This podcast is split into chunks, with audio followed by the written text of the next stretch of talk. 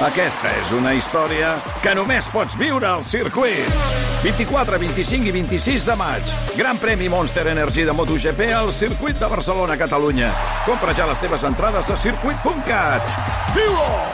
Això, el que passa que també és veritat que la ràdio llavors quan es posa en el terreny del podcast molt sovint ho fa reproduint esquemes i reproduint narratives i reproduint pro, eh, rutines productives pròpies de la ràdio en lloc d'aprofitar el podcast per experimentar nous llenguatges, noves mm, narratives, eh, per ser molt més atrevida del que és. Quin percentatge podríem dir que hi ha d'experimentació en el mercat del podcast actualment? Home, hi ha coses molt interessants Sí? en el món del podcast. Sí, sí, sí, en el món, per exemple, per posar un exemple, en el món de la ficció s'estan fent coses molt interessants perquè és una ficció sonora, um, s'estan fent projectes de ficció sonora molt ben treballats a nivell sonor, amb un excel·lent disseny sonor, però amb una narrativa que, aprofitant tot el llegat històric, diguem-ho així, del radioteatre, de la radionovel·la, etc, el posa al dia, el, fa una narrativa del segle XXI molt influïda, abans ho has esmentat, per tot el món de les sèries audiovisuals. Ja. I és com eh, experimentar a nivell sonor una sèrie audiovisual d'aquestes actuals. Per què? Perquè ens, les persones que estan implicades han sabut eh, això, ex, aprofitar i explotar al màxim les possibilitats de la narrativa sonora, però posada al dia. O sigui, estem tornant gairebé als orígens de la ràdio. Estem parlant de radioteatre i, i això podria ser la versió actual del radioteatre o dels serials de la ràdio. Per exemple, en, en aquest àmbit, en aquest àmbit sí, eh, i és que... Saps què passa, Jordi? Que eh, mai un mitjà nou acaba amb l'anterior, sinó que Mm. els mitjans, allò nou, sempre és molt més comprensible coneixent la història Ja. o el llegat del que hi ha al darrere. I amb el podcast passa una mica el mateix, és a dir, coneixent bé o fent un recorregut per la història de la ràdio com a mitjà i per la història dels gèneres sonors, eh, es pot entendre molt millor què està passant avui en dia en el món del podcast i també entendre molt millor què hi ha de nou, mm. què hi ha de posar del dia, però també què hi ha d'innovació en l'àmbit del podcasting. Mi país ha entrado en DEFCON 2. ¿Saben lo que significa? Guerra nuclear. En realidad no. Eso es DEFCON 1. Estamos en el paso previo. Digamos que no tenemos el dedo en el botón, pero hemos puesto el botón en el centro de la mesa. Ya, ¿y eso qué tiene que ver con nosotros? Se nos ha ordenado impedir el paso a cualquiera que intente entrar en el país. Tenemos un permiso especial. Nos Sí, envía el gobierno Sembla que español. estiguin descrivint la situació actual. Prohibir el pas a qualsevol persona que entri al nostre país. Això- Bé, això aquest és és un un altre fragment- exemple de, de podcast. No? Aquest és un podcast excel·lent, és un fragment de Guerra 3, que és una ficció sonora eh, que té diverses temporades, estem a la tercera temporada, és una producció de Podium Podcast, tres temporades, eh, actualment estan a la tercera, eh, diversos episodis cada temporada, i és una ficció sonora eh, d'una gran qualitat, amb uns guions molt ben treballats, amb un disseny sonor excel·lent, amb grans interpretacions que fa que l'oient o la persona que està escoltant experimenti aquesta sèrie um, diguem-ne, que, que em pugui fruir, no? perquè és tot un, tot un gaudi quan l'escoltes, sobretot quan l'escoltes amb auriculars, i, i vius realment el conflicte. És una sèrie que gira l'entorn de, la, de la hipòtesi d'una història que acaba generant Guerra 3, una tercera guerra Sí. mundial, i és espectacular. Hi ha moments, moments brillants, molt brillants. El públic potencial de podcast és majoritàriament jove o, o és un, el podcast és un producte d'ampli espectre que té igual eh, quantitat de consumidors entre una franja o una altra. Jo, jo crec que el podcast pot ser un, un contingut de gran espectre, perquè, com he dit, dona per a molta diversitat, mm. tant de, de gèneres com, com temàtica, però, per exemple, eh, si fem referència a la ràdio, hi ha diversos estudis que posen de manifest la diferència de, de l'edat mitjana del consumidor Ja. de ràdio amb respecte al del consumidor de podcast. Estem parlant de 20 anys de diferència mm. tranquil·lament, eh? entre uns i altres. Uh, certament la ràdio té una audiència que va envellint i l'audiència del podcast doncs, té una, de mitjana almenys uns, uns 20 anys menys que la mitjana de l'audiència de, de ràdio. Això vol dir que només és gent per a gent jove? No, depèn. I jo que faig classe a la universitat fins i tot m'he trobat moltes vegades explicant jo o descobrint jo el món del podcasting a molta gent jove, també, Ja, no? Per tant, sí. el mite dels nadius digitals també eh, cal relativitzar-lo una mica. I és un potenciador d'oients de ràdio? Ho dic perquè, com deies tu, hi ha moltes persones joves que mm, fins i tot no escolten ni podcast i la ràdio ja ni t'explico, és que la ignoren totalment. Hi ha teories, o he sentit o he llegit frases que diuen no, no, el podcast és un potenciador de nous oients de ràdio. És així? Jo no ho tinc, no ho tinc tan clar, és a dir, um, eh, eh, tradicionalment eh, el, que, el pas que hi havia hagut és que l'evolució de l'audiència de radiofònica, doncs la gent jove comença, començaves escoltant ràdio musical i de la ràdio musical acabaves descobrint la ràdio generalista i, i, i seguies sent oient de ràdio. És més un complement o una alternativa, però no crec que sigui un potenciador.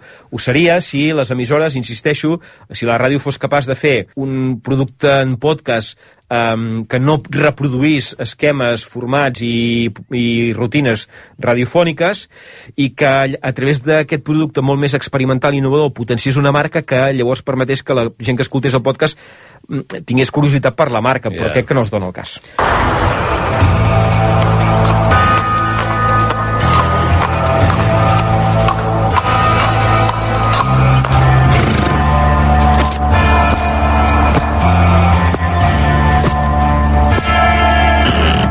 Bon dia. Hola, foraster. Qui se t'ha perdut per Bad Point? M'envien de la capital.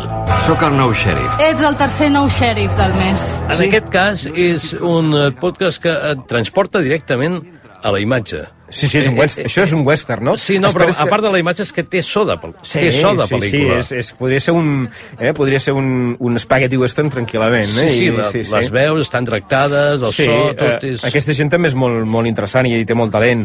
Eh, aquesta és la gent de Verícid Sulfúric i l'he posat mm. a la llista um, que et vaig, uh, et vaig suggerir perquè, primera, perquè és un podcast en català, perquè és un podcast de ficció, perquè està molt ben fet, és gent jove, gent amb molt talent, que fa ficció sonora, i a més a més és una ficció sonora en la qual hi posen un punt d'humor, un punt d'ironia, molt, molt divertit, molt divertit. Què fa falta per fer un podcast? Mm, ganes. I tècnica... mm, Uh, a, a veure, Tècnicament... eh, tècnicament uh, un podcast, a veure, uh, es pot fer amb material molt econòmic i molt senzill. Mm. Um, de fet, hi ha hagut fins i tot podcasts que han tingut molt èxit que estaven fent de forma molt rudimentària.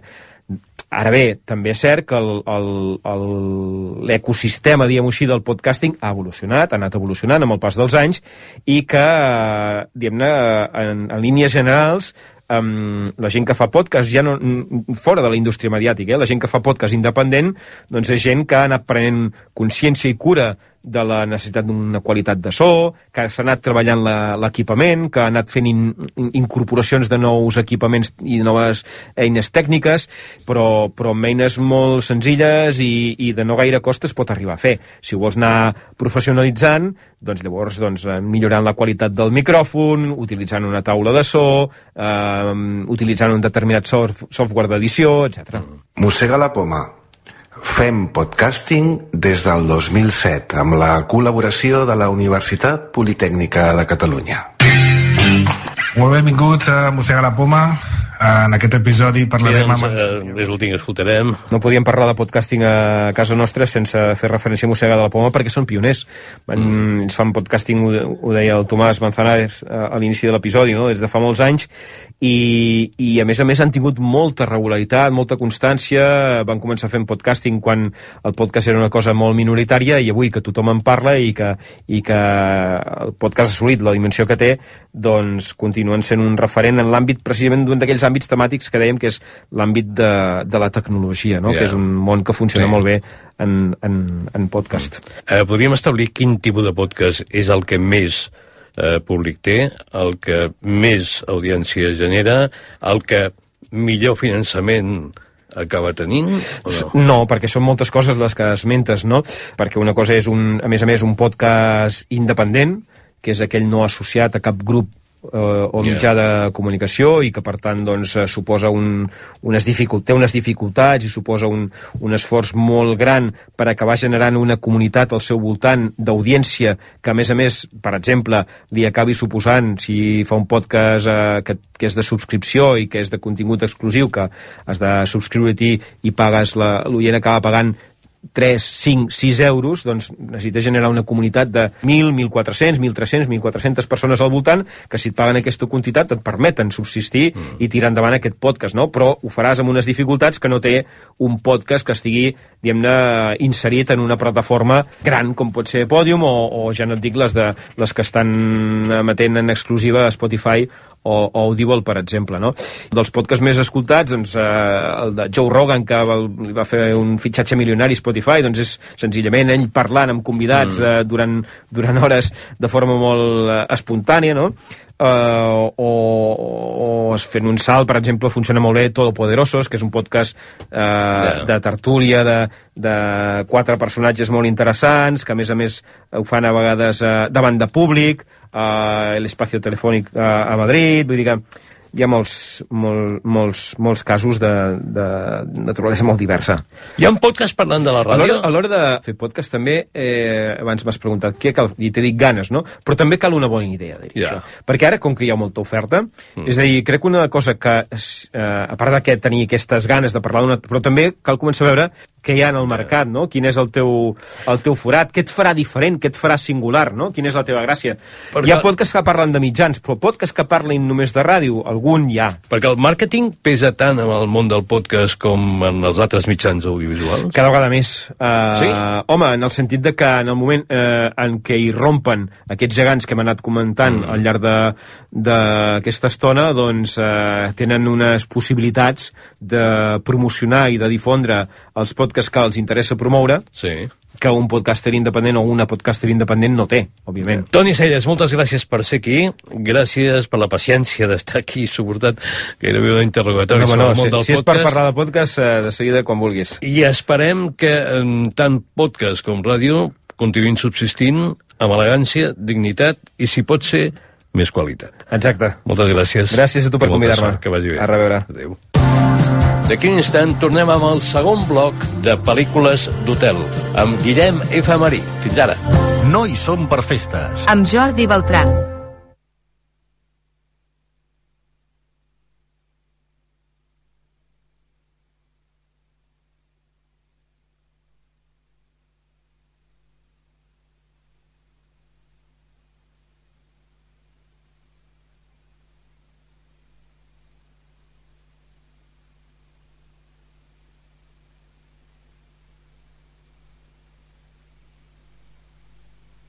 Hola, Beltran.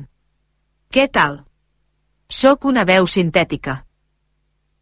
Ara el Basté llegirà Els tres porquets. A continuació, Marta Massip ens ofereix la rateta que escombrava l'escaleta. I finalment, algú d'informatius recitarà La vaca cega. Reconcentrat. Reconcentrat. Reconcentrat.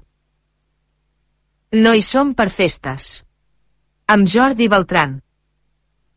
Donem la volta al món amb els vins de la Vinoteca de Gourmet La Vanguardia. Sèptima obra Malbec d'Argentina. Yellowtail Sirat d'Austràlia i Vilao Rouge de França. Sis vins negres internacionals valorats en 80 euros, ara per només 49. Compra'ls a gourmetlavanguardia.com. Patrocinat per Aigua Vilajuïga. A RAC1 No hi som per festes. Amb Jordi Beltran.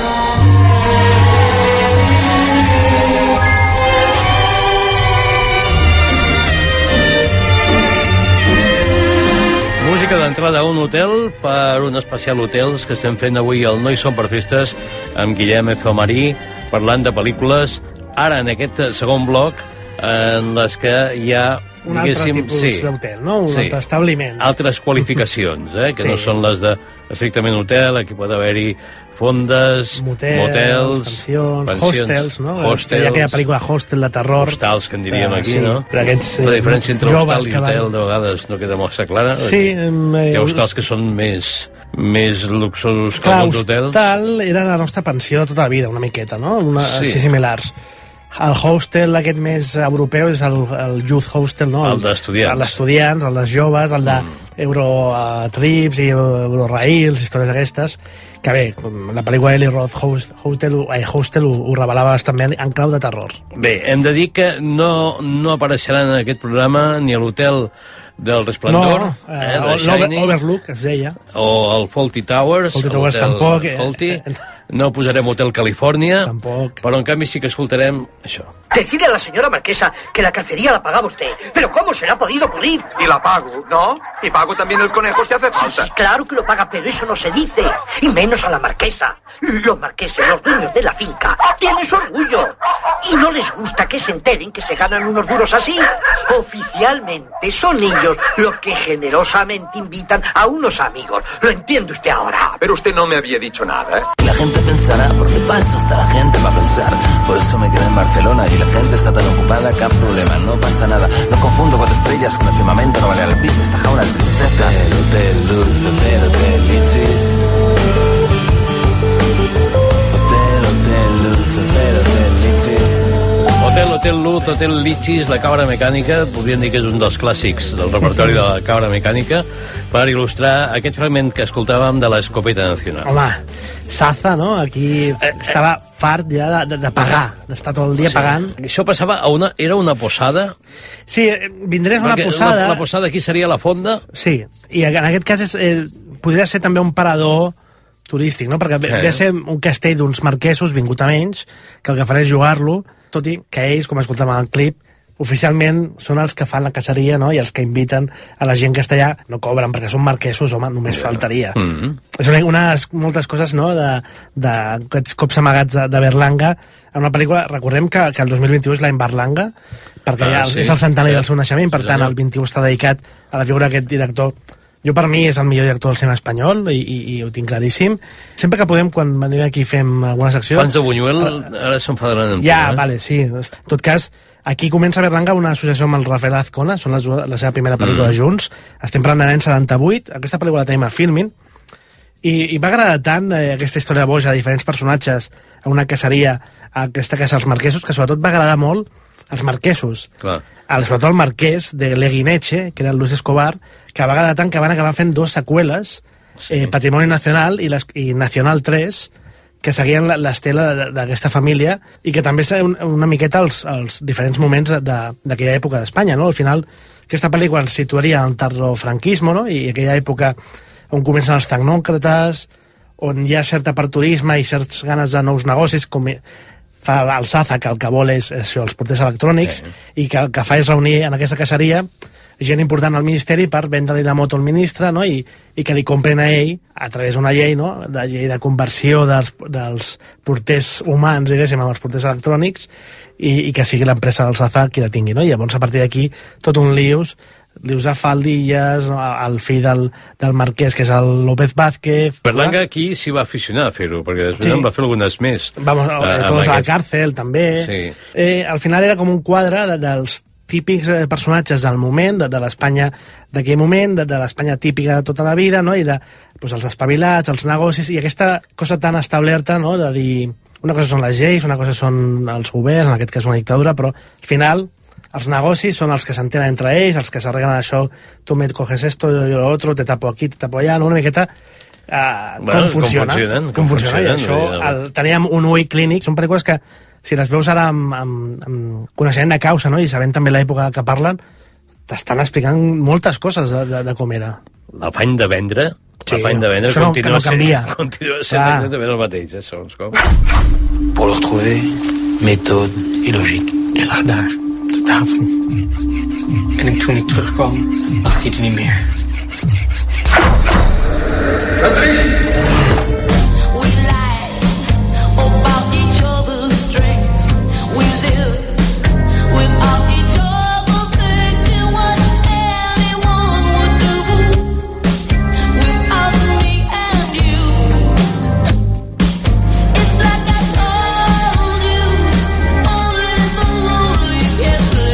es deia aquesta cançó. Només el solitari és una cançó d'un grup que es diu The Motels i vaig pensar que en aquesta categoria era força dient que escoltéssim una cançó d'aquest grup de Califòrnia que als anys 80 doncs, va tenir certa ressonància en el món de la música pop. Bé, aquesta serveix per il·lustrar... Aquí un càmping, que us explico. Us faig Un una mica la, la punyeta, perquè és una pel·lícula que es diu Patrick, del 2019, que no, no la trobareu en lloc ara mateix, que la vam poder veure al Festival de Sitges de, del 2019, precisament, que és el que té, no? que pots veure pel·lícules de diferents països Sí. que algunes malauradament no arriben no, comercialment, i aquí una pel·lícula bel, belga flamenca neerlandesa, una co coproducció, que ens parla aquest eh, noi del títol, Patrick, que ell és l'encarregat, o el fill dels encarregats, d'un càmping de bungalows nudista on tots els hostes estan despullats tota la pel·lícula. Tota la pel·lícula despu Tota la pel·lícula despullats. despullats, i ell va despullat però amb una camisa. I el seu pare es mor. I, i ell és una miqueta un personatge mm, socialment reclòs, no? una persona d'aquestes que li costa relacionar-se amb els altres, molt solitari, mm. li agrada molt l'ebanisteria, i ho té tot molt ordenat. I veu que un martell de la mida, doncs si té martells de la mida 15 al 6, el 12 per dir alguna cosa, ha desaparegut. I ha aquell forat, aquella, la seva par- parell perfecta de martells, mm. buit, perquè no està el seu martell. I es dedica tota la pel·lícula a buscar qui ha sigut, qui li ha robat el martell, degenerant... La pel·lícula es va presentar a Sitges, per tant ja us podeu imaginar que també va degenerant cap a una via violenta, eh, eh, sanguinària. Gore? No hipergore, però sí, bastant sanguinària, però també amb molta comèdia. És una comèdia molt dels països frugals, aquest estil molt europeu de comèdia d'incomoditat social, de vergonyes alienes, no? una cosa molt potestat, no? quan ho veiem en, aquest tipus de pel·lícules d'aquesta cultura, i on aquesta incomoditat de veure'ls completament nus constantment es va allargant una pel·lícula que té els seus moments divertits i, que val la pena tant de veure si algun dia alguna plataforma ho recupera, aquesta pel·lícula dels Països Baixos, que ens plantejava això, ja que buscaven diferents establiments era com ideal, no? Un càmping de bungalows i a sobre nudista. Jo imagino que existeixen Home... campaments mm, nudistes. Jo encara no he anat a cap... No, no sé si... No arribava un punt que t'enganxaves a veure tothom... No? Per una banda, és com... Ale, està bé veure cossos diferents, no? Perquè també, si això fos una pel·lícula de Hollywood, serien tots cossos, però aquí estem parlant de gent de totes les edats, Yeah. d'aspectes... No, ho dic per, perquè el fet d'actuar, mm. segons com, la manera de vestir, Clar, clar. i, i tot També. això ajuda força, clar, totalment nu, segons com. Eh, La valoració de la interpretació, no sé Sí, si però tot varia això no. tenies diferents tipus de personatges que tenien cadascú la, la seva coseta, no? I, i anaves veient els, els dominis que tenen uns a altres, com el, ell és una miqueta... Tothom es riu d'ell, no? no? No el prenen en seriosament mai, perquè és el, el, el noi sencer que sempre l'han utilitzat per... Però llavors també té, té, un, té un lío amb una de les dones del, del campament, que el seu marit és com el líder dels que, dels que venen cada estiu. Bé, vas veient aquest món, tot i que és veritat que no tens el factor del disseny de vestuari, però també Però els al final cossos no també importa, parlen. Al final no importa.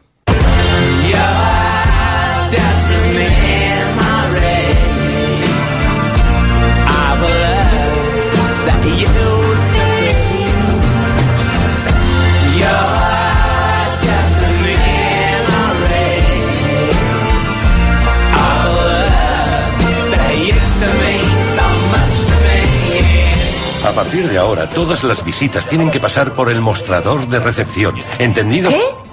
Si tienes visitas, tienen que registrarse en recepción. Pero tío, ¿de qué cojones vas? Ya me has oído. Vuelve adentro, Mooney. Cuando digo que se registren, me refiero a darme el carnet. Tienen que darme el carnet a mí abajo, en el despacho. No puedes hacerlo, no puedes prohibirme tener invitados. ¿Qué te autoriza? ¿Qué, qué me autoriza mi puesto de trabajo, el puesto de gerente? Els Stones posant música a una escena, la cançó es diu Memory Motel i és del disc Black and Blue dels Rolling Stones, memorable perquè va coincidir també amb un dels concerts dels Stones a, la ciutat de Barcelona, però serveix per il·lustrar una pel·lícula mm, que jo, quan la vaig veure, vaig dir, hosti, que bona que és, no? És molt bona. The Florida Project, Uh -huh. 2018, eh, la tenim a Amazon Prime Video. Sean Baker és el director i és una pel·lícula que ens explica una miqueta, seria la cara B del son americà, perquè de fet tot és un, és un motel que és la cara B de Disney World, no? Eh, Sí. A la part de Florida on està Disney World, veiem que a la, a, als voltants tot està ple d'hotels, una mica tipus l'Excalibur que us deia a Las Vegas, hotels, mm. motels, en aquest cas, cut, una mica cutres, que busquen enganyar aquests, o, o, o aquesta gent que arriba a Disney World i no té hotel, perquè tot està ple, doncs repescar una miqueta, no? Són com voltors de, de, de les restes, no? Eh, del que sobra, del que mastega de Disney World i, i Walt Disney, i, i que en aquest cas són també un lloc de, que recull molta gent als Estats Units que no pot viure en pisos Yeah. i que fa allò de eh, viure en un hotel per llar llarga estança, no? un motel. Ho hem anat veient dintre els sistemes dels motels a les pel·lícules, és allò de, de que pots pagar eh, i estar un mes, dos mesos i Sí. si poden pagar, no? perquè també anem veient a la pel·lícula el personatge del Willem Dafoe que és el, és el, de fet és l'únic actor professional de la pel·lícula la resta són tots actors Ah, no, no professionals sabia, no ho i eh, el veiem com el superintendent una mica no? el gerent d'un motel eh, on ha de lidiar en aquest cas sobretot amb una nena que viu allà amb la seva mare, que una mare que té problemes de drogues, que també està en la prostitució i que, per tant, no està molt per la filla, i la filla s'inventa una mica un món de jocs i, i d'aventures i treballaries en el món del motel, no? I, i una miqueta s'estableix un vincle emotiu molt fort entre aquest gerent, el Willem Dafoe, que està increïble i va ser la seva primera nominació als Oscars, imagineu, fins al 2018, No, no, és que, Que no el van ho feia nominar. molt bé, estava molt i, bé. i és realment magnífic. Pel·lícula dura i pel·lícula que eh, reflecteix molt bé el món aquest dels motels, un concepte molt nord-americà, és, un- és una icona a Nord-Amèrica juntament amb la Ruta 66, podríem dir, és, al final, hotel i motor, és d'on ve la paraula motel, són hotels per motor, són hotel per motoristes, per viatgers, eh, per camioners, amb aquest disseny que hem vist sempre, no? Apa- aparcar el cotxe, i ja tens al costat l'habitació, habitacions baixes, habitacions Aquells passadissos, molt passadissos, que accedeixes, diguéssim, a l'aparcament o a la part central de tota... preus molt barats, perquè al Sí. final el servei és mínim, no? I a vegades també hi ha motels i motels, òbviament, També. però també trobes cadascun. Si té màquina de, de, de gel, De gel. ja pots estar content, no? És una gueta... Sí. No, potser té la màquina de gel, però no funciona. Que també. O només surt un glaçó. Sí, sí, sí. Aquesta també podria ser. Tancarem aquest bloc de pel·lícules amb establiments paral·lels als hotels amb aquesta pel·lícula. No te vas a aburrir porque he contratado el servicio completo para ti. Vas a tener masaje, sauna y reconocimiento médico todos los días. A mi edad, ponerse en forma es una pérdida de tiempo. ¿Has hecho piso y...? Cuatro gotas. ¿Y tú? Igual, más o menos. ¿Más o menos? Menos. Este sitio parece muy bueno para relajarse. Aquí solo puedes relajarte. There's a small hotel with a wishing well. I wish that we were there together.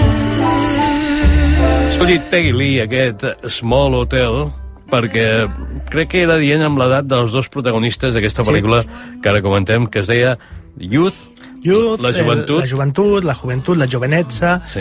Paolo Sorrentino, 2015, la pel·lícula que dirigeix el director italià després de La Gran Belleza, Sí. pel·lícula que catapulta tot el món, no? i que crea en ell mateix és la primera pel·lícula que fa amb un estil similar abans Il Divo també tenia una cosa similar però és, la, la, la, la, la Gran Belleza és la pel·lícula que estableix l'estil sorrentino i la joventut o Youth és la pel·lícula amb la que ho, ho confirma, no? I és aquest estil... És molt Feli, Fellini, és molt deixeble de Fellini, tal, Ho qual. sembla, sí.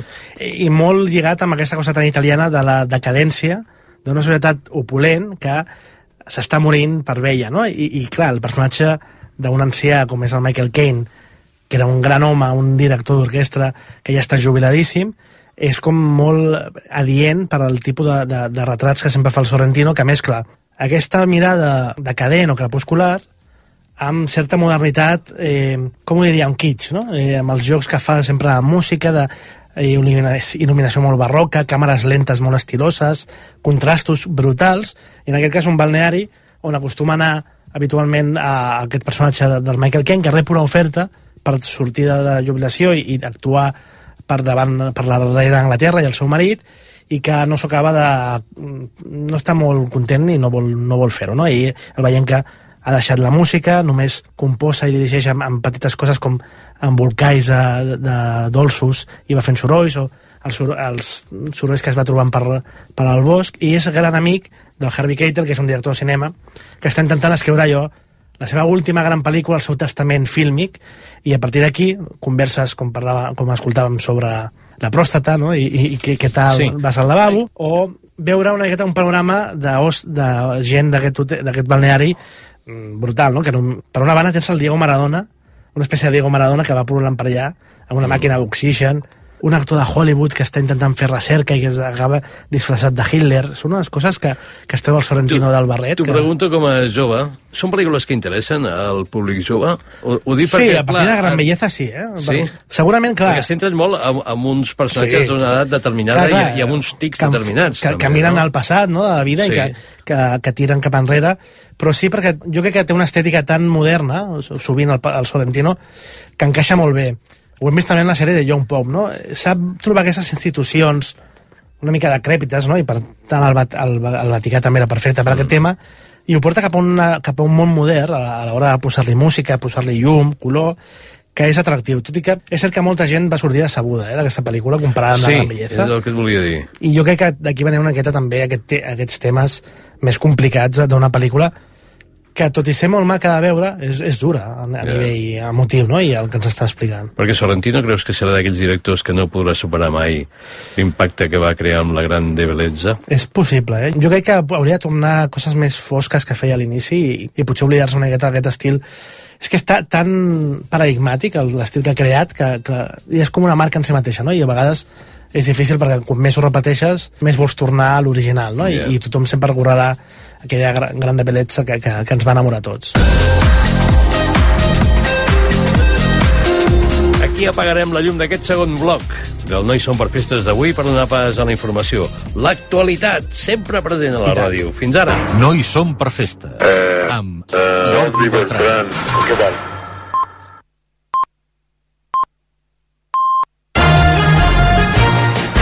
RAC1. Noticias. Bárbara Padilla. Les 10. Un policia ha mort avui en un atac al Capitoli dels Estats Units. Un home l'ha atropellat, a ell i a una altra gent que custodiava l'edifici després d'embestir una de les tanques que blinda el Congrés. La policia ha batut l'autor dels fets, que havia amenaçat els agents amb un ganivet i que ha acabat morint a l'hospital. En el moment de l'atac no hi havia representants polítics al seu interior. La policia creu que no es tracta d'un atac terrorista. El Capitoli, recordem-ho, té una forta seguretat des del 6 de gener, quan seguidors de l'expresident Donald Trump van assaltar l'edifici. L'acció va acabar amb 5 persones mortes, una de les quals també era un policia. A Catalunya la campanya de vacunació contra el coronavirus ha rebut aire fresc avui amb l'arribada de les 168.000 dosis d'AstraZeneca. Salut va posar més de 100.000 dosis a partir de demà i durant 5 dies el col·lectiu de 60 a 65 anys. Només cal demanar hora i lloc al web Vacuna Covid, de les que, hores d'ara, encara quedin disponibles de places. Ho ha explicat des del Servei Català de la Salut Sara Manjón. Hem prioritzat les persones de risc amb l'enviament de SMS. Actualment hi ha 75.000 pels pròxims dies amb la remesa d'AstraZeneca i queden per omplir més de 38.000 posicions per poder-se vacunar.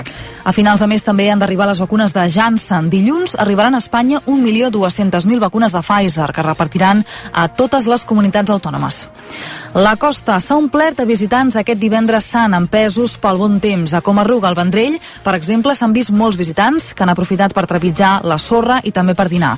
Pepe Sánchez, propietari del restaurant Casa Pepe de la zona, assegura que la gent tenia moltes ganes de desconnectar de la pandèmia. La gent té ganes de sortir i és una cosa sorda al passeig de l'Ajuntament, que també hem, hem, hem agafat i, i amb les mides, però la gent té moltes ganes de sortir, de gastar, de reunir-se. Taules de 12, però són quatre taules de 4, però en definitiva la gent... Tenim moltes ganes, tenim moltes ganes de xerrar i fer, i fer un dinar, no? A Calafell, a Sitges i a Castelldefels també s'ha vist molta gent passejant pel passeig marítim, així com també a les terrasses de bars i restaurants que estaven plenes. El conductor d'un cotxe ha mort aquesta tarda després de xocar frontalment amb un altre Sant Joan de Vilatorrada, del Bages. Ha quedat ferit greu i ha mort a l'hospital. A l'altre vehicle hi viatjava un home que ha quedat ferit lleu. És el primer mort aquestes vacances de Setmana Santa a les carreteres. Per ara es desconeixen les causes de l'accident que ha obligat a tallar totalment la via. Amb aquesta víctima ja són 19 les persones que han mort en accident de trànsit aquest any a les carreteres catalanes. I ara els esports, amb Miquel Agut. El Barça de bàsquet ha guanyat a la pista del Fenerbahce per 73 a 82 i s'ha assegurat el primer lloc a la fase regular de l'Eurolliga.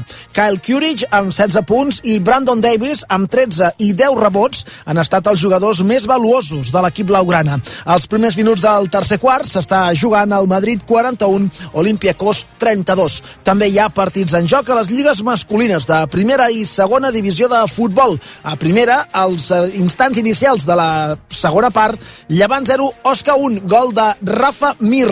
Amb aquesta victòria, els aragonesos deixarien de ser cuers en detriment de l'Alavés, però no sortirien del descens. També juguen els primers minuts de la segona part en l'únic partit de segona en joc. Almeria 0, Rayo Vallecano 0. Per la seva banda, el Barça d'handbol ha encarrilat l'accés als quarts de final de la Lliga de Campions amb la victòria al partit d'anada contra l'Elbero noruec per 25 a 37. Tot i que els de Xavi Pasqual han exercit com a visitants, el partit s'ha jugat al Palau Blaugrana amb la presència de 686 espectadors i l'australià de Ducati Jack Miller ha fet el millor temps dels entrenaments lliures de MotoGP del Gran Premi de Doha. Aleix Espargaró, amb una Aprilia, ha estat el primer català amb un sisè lloc. I el temps, la nit serà freda, amb moltes temperatures d'entre 5 i 11 graus, però demà s'espera de nou un dia primaveral. Al matí amb més sol i a la tarda amb alguns xàfecs entre les comarques d'interiors de Girona i de Barcelona. I també al Pirineu de Lleida. A la tarda també bufarà la tramuntana, que es mantindrà diumenge al matí. Entre diumenge i dilluns, això sí, baixaran les temperatures, però predominarà el sol.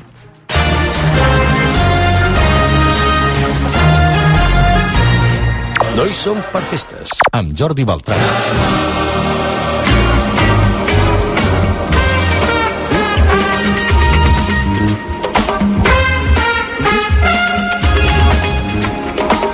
En aquests moments sembla que no m'atreviria a dir que més que mai, però sí que força sovint eh, recorrem a la memòria per tal de recordar com eren les coses fa un temps. Ja no dic d'abans de la pandèmia, sinó en molts casos també de fa molts anys.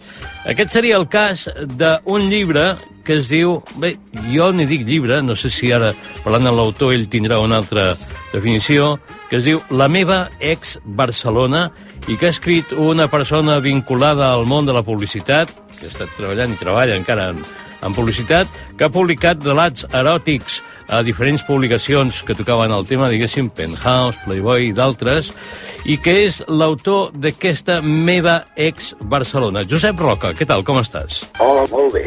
Eh, hem de dir que aquest llibre, no sé si dir-ne llibre o opuscle, de fet són 68 pàgines amb, amb paràgrafs de lletra, diguéssim, que es pot llegir, i que és una manera de fer memòria que jo no la recordava, crec que sí que hi ha algun referent, i que és a base d'enumerar records. O sigui, què és el que va portar a Josep Roca a dir jo vull fer aquest llibre?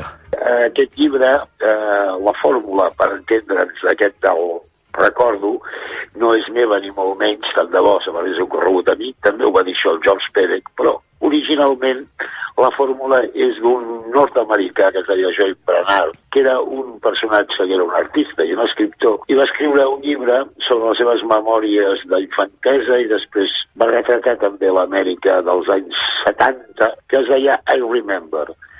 Tres anys després, al 78, George Perec va fer els genes Sulians. I després, a partir d'aquí, s'han fet altres versions i la idea surt d'un dinar amb en Joan de Sagarra, que li vaig dir, dic, volia fer un llibre de Barcelona dels 80.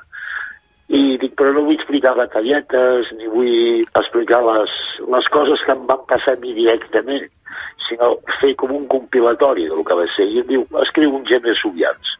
I aquest és l'origen del llibre. Has calculat o tens ja comptats quants records has acumulat o quants records estan en aquest llibre? La veritat, no els he comptat, però jo fa l'efecte que estan entre els 380 i 400 records. déu nhi Hem de dir que el llibre està molt circunscrit a Barcelona, a la ciutat de Barcelona, com indica el títol. Suposo que hi ha gent que dirà això és un llibre de memòries, això què, què és exactament? Jo volia posar-li el subtítol de La meva ex Barcelona, recordatori de Josep Roca, perquè eh, cada un dels paràgrafs que hi ha en aquest llibre, cada un d'ells comença amb recordo. I el primer que recorda és que va escoltar Gimme the Night per primera vegada en un sofà de 98 octanos, que era un bar de Barcelona, amb la Magda. Jo al Josep li he demanat que en gravi una sèrie de 10 records, jo n'he escollit 8, perquè com parlant dels 80, dic, doncs mira, 8 és ideal. Me'ls va enviar per uh, missatge de veu de WhatsApp, i mira, començarem ara a recordar el, el primer que vas gravar. Recordo que el local més divertit era el següent al que anava.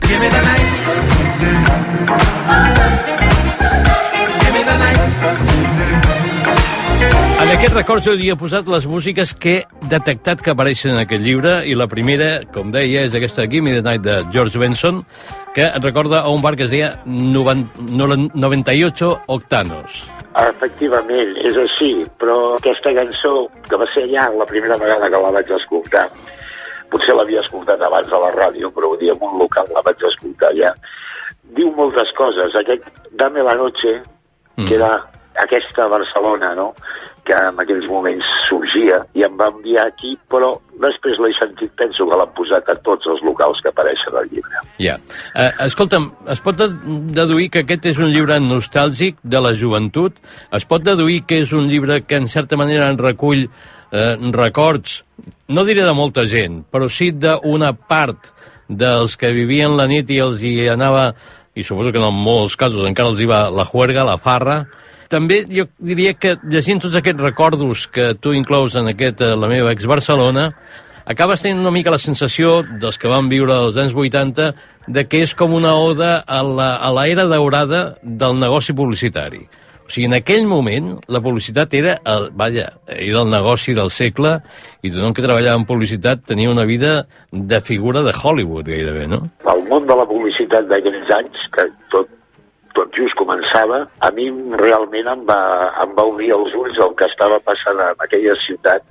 Evidentment el llibre té un format molt publicitari, perquè no deixa de ser un mapa no? dels bars, dels clubs, dels restaurants, dels dissenys, de les publicacions i de les botigues, i també de persones i personatges que en aquell moment vivien a Barcelona i van fer una ciutat absolutament efervescent, creativa i al mateix temps també canalla. De tota manera, vols dir que abans de la pandèmia, eh? Vull dir, des de la pandèmia tot ha canviat i tot és un altre món, però abans de la pandèmia vols dir que no hi havia una generació i gent que també s'ho passava tan bé com figura que, que s'ho passava la gent que va viure l'efervescència aquesta de la que parlaves dels anys 80? Sens dubte sí. El que passa és que per això el, el llibre tenia aquest títol de la meva ex-Barcelona, perquè aquest títol, d'alguna manera, el que, el que vol reflectir és que va ser una relació que jo vaig tenir amb aquesta ciutat creativa i efervescent, com et deia, mm. i era una ciutat que era admirada a París, a Londres, a Milà, a Nova York, que va formar part de mi, que la vaig gaudir, que quan tu viatjaves et preguntaven d'on ets i tu deies amb orgull i la boca gran de Barcelona i que després, passats uns anys, i passats també, no els anys de Barcelona, sinó els anys de, de, de la gent que apareix al llibre i dels meus propis, mm. per incompatibilitat de caràcters i de mutu cor, doncs ens vam separar i cadascú va anar pel seu costat. Però que vull dir que Barcelona no ha deixat de tenir la seva, la seva vida, el que passa és que potser en aquell moment era pues, anys de joventut i era una cosa que jo personalment no l'havia vist mai i no l'he tornat a veure. Recordo la llarga cua per entrar a l'estudio 54. Street life, you can run away from time. Street life, for a nickel, for a dime. La cançó que escoltem és Street Life i pertany a, un recordo que l'Alvira cada nit ballava Street Life de Randy Crawford abans de sortir de casa. Just abans d'aquest recordo hi ha un altre recordo que diu Recordo el cordó de vellut d'estudi 54, les pluges de confeti i de globus, les gogós ballant en gàbies, el High Energy, Raúl Orellana i la Vicenta. Clar, aquí hi ha, com deia, una, una part de, de, de la població, no sé si massa nombrosa, que de cop sentint o llegint aquest recordo, pum, se'n va directament a, a, alguna nit que va passar a l'estudi 54 quan estava obert a la ciutat de Barcelona. Com vas arribar a recopilar tots aquests recordatoris i, i com ho feies? T'ho apuntaves? Eh, és més, hi ha persones que apareixen aquí que creus que, segons com els hi pot dir, bueno, per, per què surto jo en aquest llibre? Home, a veure, els records els van recopilar amb un exercici important de memòria. Uh, va dir gent que feia temps que no veia i ens vam tornar a veure i vam tenir eh, xerrades com ara Alicia Andaluz, que va ser un dels, diguem, de les persones més importants de la nit de Barcelona. Vaig parlar amb gent de publicitat que quan jo havia començat, que feia temps que no, no veia. Vaig parlar amb Pilar Passamontes, que era una, i segueix sent diguem, una persona important dintre del que és el tema de la moda de Barcelona i bàsicament eh, és, és un exercici eh, que vaig fer durant la, la pandèmia de records per eh, dir, sí, me'n recordo, però potser és perquè ho vam viure tan intensament que és difícil que es borressi. Aleshores, allò que em preguntaves de dir, mm. bueno, per què surto o no surto, és el que dic, és gent que vaig conèixer, que vaig tractar, o simplement, simplement em vaig creuar alguna vegada amb alguns dels, dels molts jocs que surten aquí al llibre. La idea era no els meus records, sinó el que vaig veure amb la gent que vaig tractar i amb, i amb la gent que ha començat a, a llegir el llibre, és que els hi generen els seus records també. És a dir, aquests són els meus i la idea era, és, vaja, del llibre és, genero aquests records que són meus perquè tothom que va viure en aquells moments també pogués eh, recordar altres coses que no tenen res a veure amb el que jo explico, però que sí que hi eren en aquell moment, en aquells llocs. I això també m'agradaria que la gent que no ho va viure pues, també va, va, veiés que aquesta ciutat va ser alguna cosa important en aquells anys. Recordo les noies en sostenidor d'encaix i texans i el gronxador a la pista d'Estudio Ono.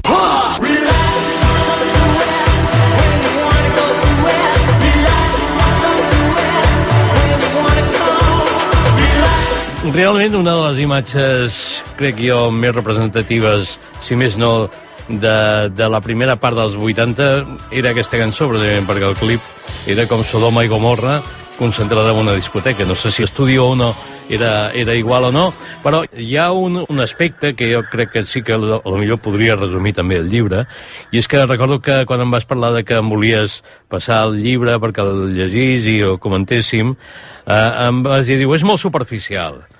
I recordo que vas dir, bueno, és que els 80 ja eren molt superficials. No ho eren?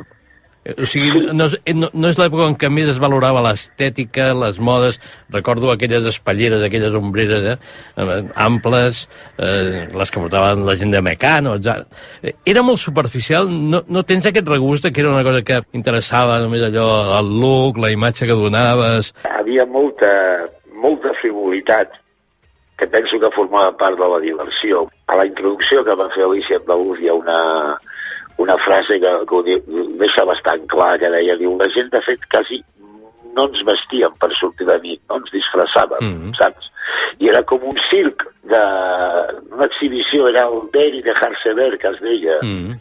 Era així, no tinc cap dubte de que era una frivolitat i si ens remetem, per exemple, a, a Bret Easton Ellis, quan parla American Psycho salvant totes les diferències, òbviament, veiem que també els 80 van ser uns anys frívols. Mm. Recordo que Toni Miró em va atendre al groc del carrer Montaner.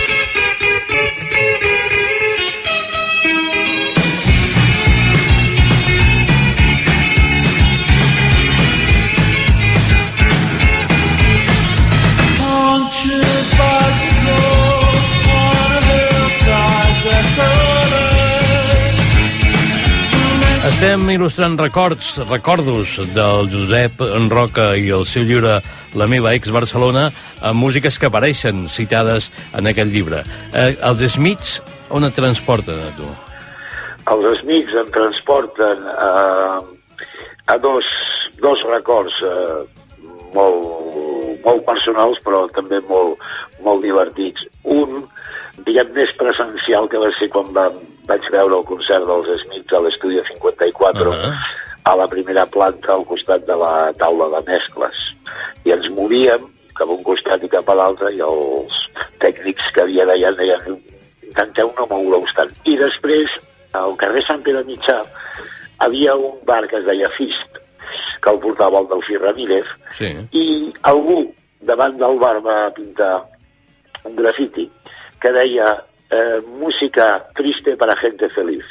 Potser això, en relació al que em preguntaves feia una estona de la frivolitat, diu moltes coses. Recordo, ¿diseñas o trabajas?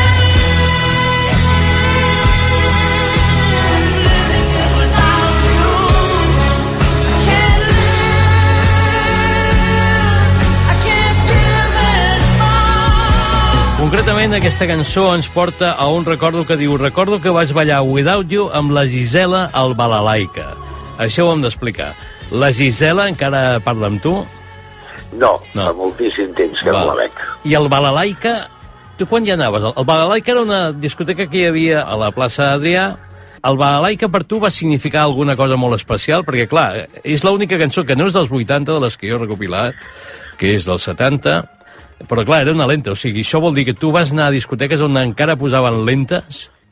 Això és el principi, principi, fins i tot m'atreviria a dir que potser era el 79 o el 80, Mm. no estic segur.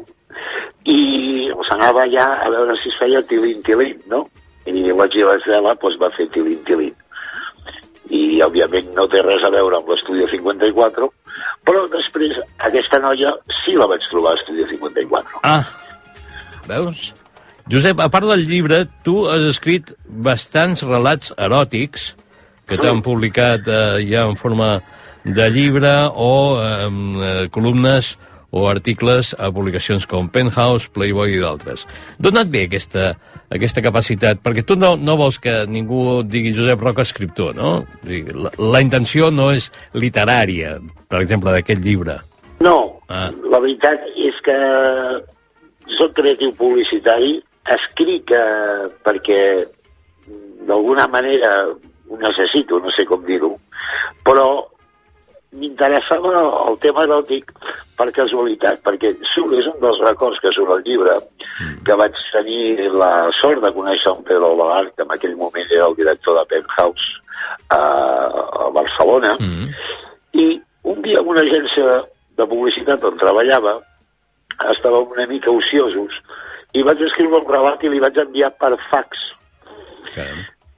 I penso que va trigar com uns 15 o 20 minuts en trucar a l'agència i em va dir, "Diu, tens més relats com aquests? I llavors, a partir d'aquí, no sé per quin motiu, em vaig anar eh, introduint amb el món aquest de la, de la literatura eròtica. Però no sabria explicar-te ja. perquè eh, mm. em va portar això. Recordo el menjador hivernacle de vidre de la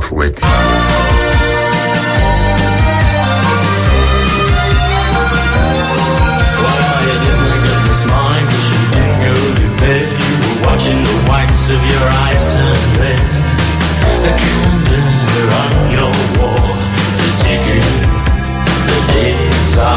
Una altra de les veus emblemàtiques dels 80, la de Matt Johnson, DD, i aquest This is the Day. Escolta'm, la Zulete, que era? Un restaurant? A la Fogueta era un restaurant, efectivament. I, i quina era la seva peculiaritat, el, la, allò que el distingia d'altres? Bueno, era, el, diguem, la Barcelona va tenir el disseny aquest que tots els bars, tots els locals tenien el seu punt de disseny i s'havia fet coses eh, molt, molt, molt, molt, molt interessants, des de el primer bar com el Metropol, fins i tot el, el Policia o el Líquid, que eren bars, l'Universal també. Mm. la Foguete era un dels restaurants que tenia una, diguem, una, un disseny, un interiorisme preciós.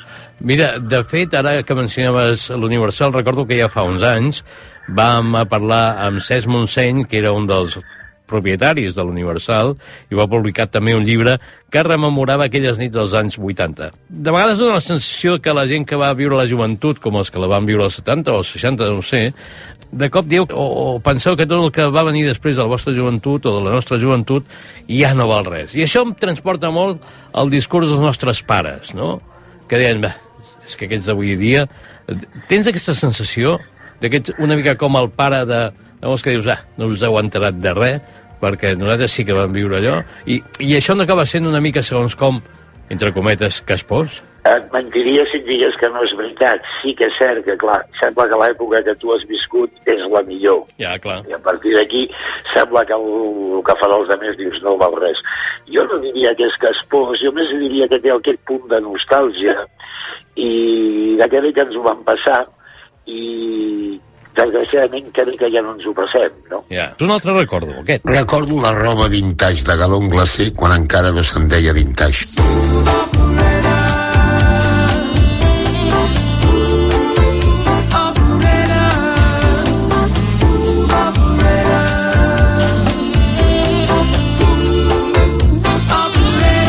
Si sona Sade és perquè hi ha un record que diu recordo que al Distrito Distinto vaig estar al costat de Sade. Sade és la que cantava Smooth Operator. Com va ser això? Exacte. Et- Vas atrevir a dir-li alguna cosa? No, No, no val. però és curiós perquè eh, feia 3 o 4 hores abans havia vist el, el concert que havia fet a Estudia 54. Ah, ja, sí, que va actuar allà, precisament. Va, i anem, anem cap a l'últim recordo. Recordo la Pebbles a la cabina de Distrito Distinto.